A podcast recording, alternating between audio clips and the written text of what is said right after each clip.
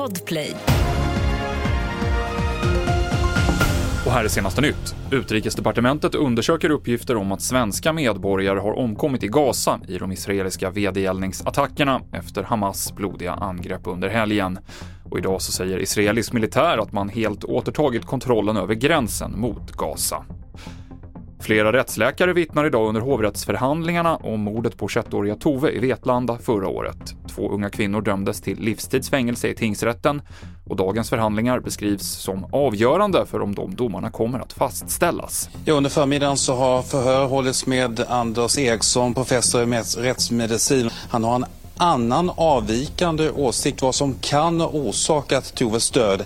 Nämligen att hon inandat sitt maginnehåll, fått i lufttypen och ner i lungorna och på så sätt bidragit till hennes död.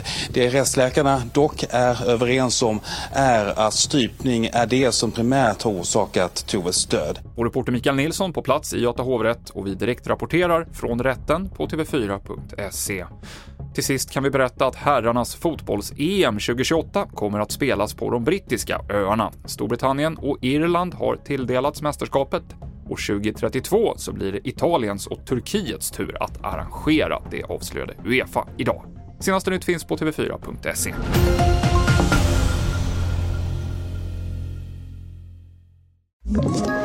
Ett poddtips från Podplay. I fallen jag aldrig glömmer djupdyker Hasse Aro i arbetet bakom några av Sveriges mest uppseendeväckande brottsutredningar.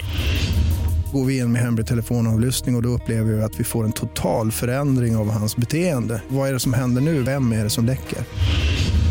Och så säger han att jag är kriminell, jag har varit kriminell i hela mitt liv men att mörda ett barn, där går min gräns.